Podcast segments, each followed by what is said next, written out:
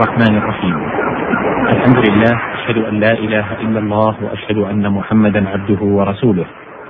اللهم صل وسلم وبارك على عبدك ونبيك محمد وعلى آله وصحبه أجمعين. أيها المستمع الكريم أيتها المستمعة الكريمة السلام عليكم ورحمة الله وبركاته. أحييكم تحية طيبة في مطلع هذا اللقاء حول ألفاظ من كتاب الله العزيز. نتناول هذه الألفاظ بإيضاحها من خلال الفصيح من القول الذي قالته العرب في عصر فصاحتها شعرا ونثرا. والمقام متوقف بنا عند مادة السين والفاء واللام. يقول الله سبحانه وتعالى في سورة التين ثم رددناه أسفل سافرين أي بالضعف والهرم كقوله تعالى إلى أرذل العمر يقال رددناه أسفل من سفل وأسفل سافل.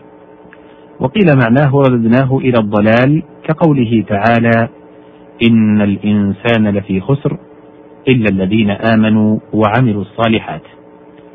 والسفل ضد العلو يقال سفل فهو سافل والأسفل ضد الأعلى.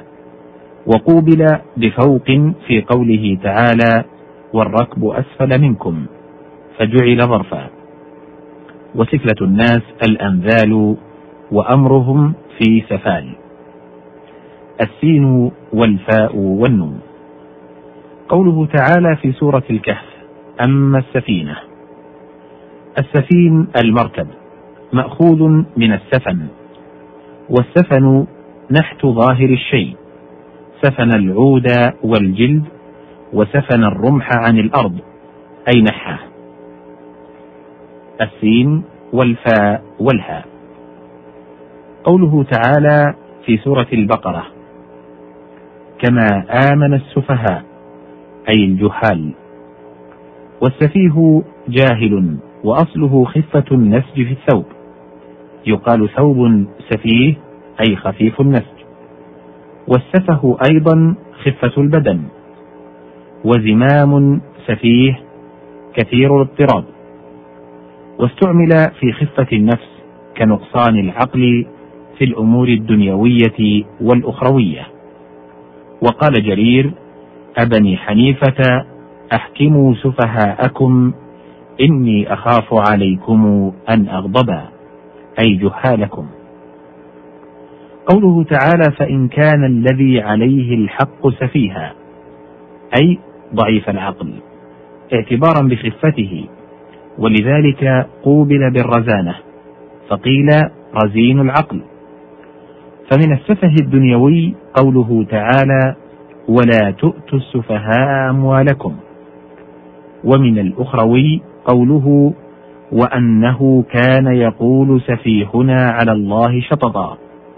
ومثله سيقول السفهاء من الناس أي في الدين لأنهم أرجح الناس عقلا دنيويا. السين والقاف والطاء. قوله تعالى في سورة الأعراف ولما سقط في أيديهم أي ندموا وتحيروا. وأصل السقوط الوقوع من علو إلى سفل وذكر بعضهم أنه يلزم البناء للمفعول. سقط. يقال سقط في يده وأسقط فهو مسقوط. وقيل للكلام الذي لا فائدة فيه سقط فيه الكلام اعتبارا بانخفاض منزلته. وسقط الكلام ما لا يعتد به. قال قطري بن الفجاءة وما للمرء خير من حياة إذا ما عد من سقط المتاع. وخص السقط مثلث السين بما تضعه المرأة لغير تمام. وسقط الزند بشرره مثلثة السين أيضا. والسقاط ما يقل الاعتداد به من الكلام وغيره. ورجل ساقط أي لئيم. السين والقاف والفاء. قوله تعالى في سورة الزخرف سقفا من فضة. السقف كل ما علاك من مظلة ونحوها وقرئ سقفا جمعا وإفرادا كرهن ورهن. والسقيفة كل ما كان له سقف كالصفة والسقف طول في انحناء وكذلك الأسقف السين والقاف والياء.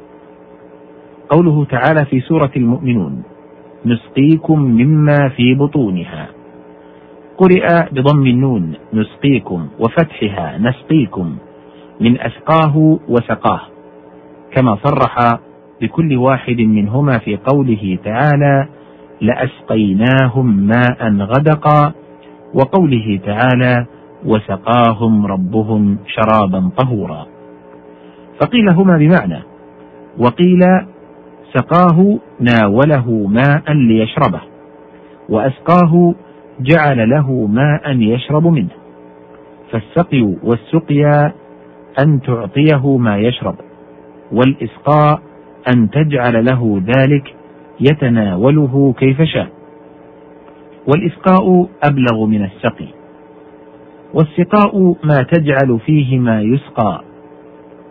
والاستسقاء طلب السقي. وقوله تعالى جعل السقاية هي ما يشرب فيه كالكوز ونحوه وهو الصواع. السين والكاف والباء. قوله تعالى في سورة الواقعة وماء مسكوب أي مصبوب.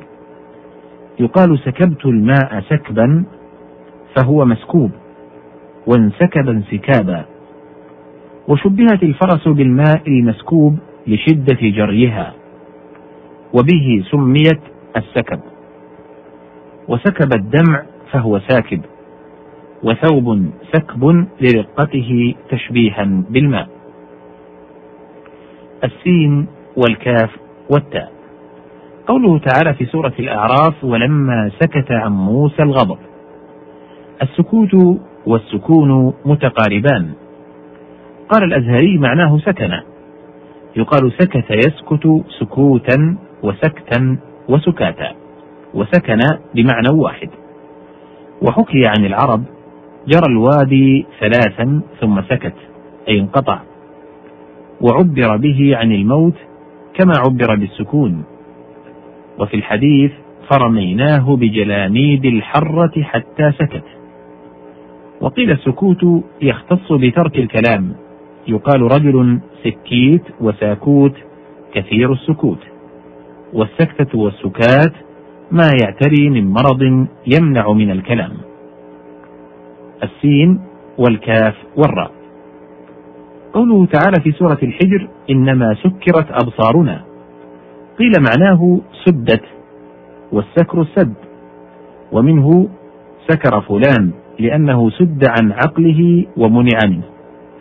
وقيل السكر حالة تعرض بين المرء وعقله وأكثر ما يستعمل ذلك في الشراب المسكر وقد يعتري من الغضب والعشق ونحوهما. وإلى ذلك نحى من قال سكران سكر سكران سكر هوى وسكر مدامة أن يضيق فتى به سكران. ومنه سمي سد الماء بالسكر. والسكر وهو حبس الماء. قال مجاهد معنى الآية سدت ومنعت النظر. وقال أبو عمر مأخوذ من سكر الشراب كأن العين لحقها ما يلحق الشارب للمسكر. هنا نتوقف مع بقية بقيت في هذه المادة. نتمها في حلقة تالية إن أذن الله. أشكر لكم استماعكم والسلام عليكم ورحمة الله وبركاته.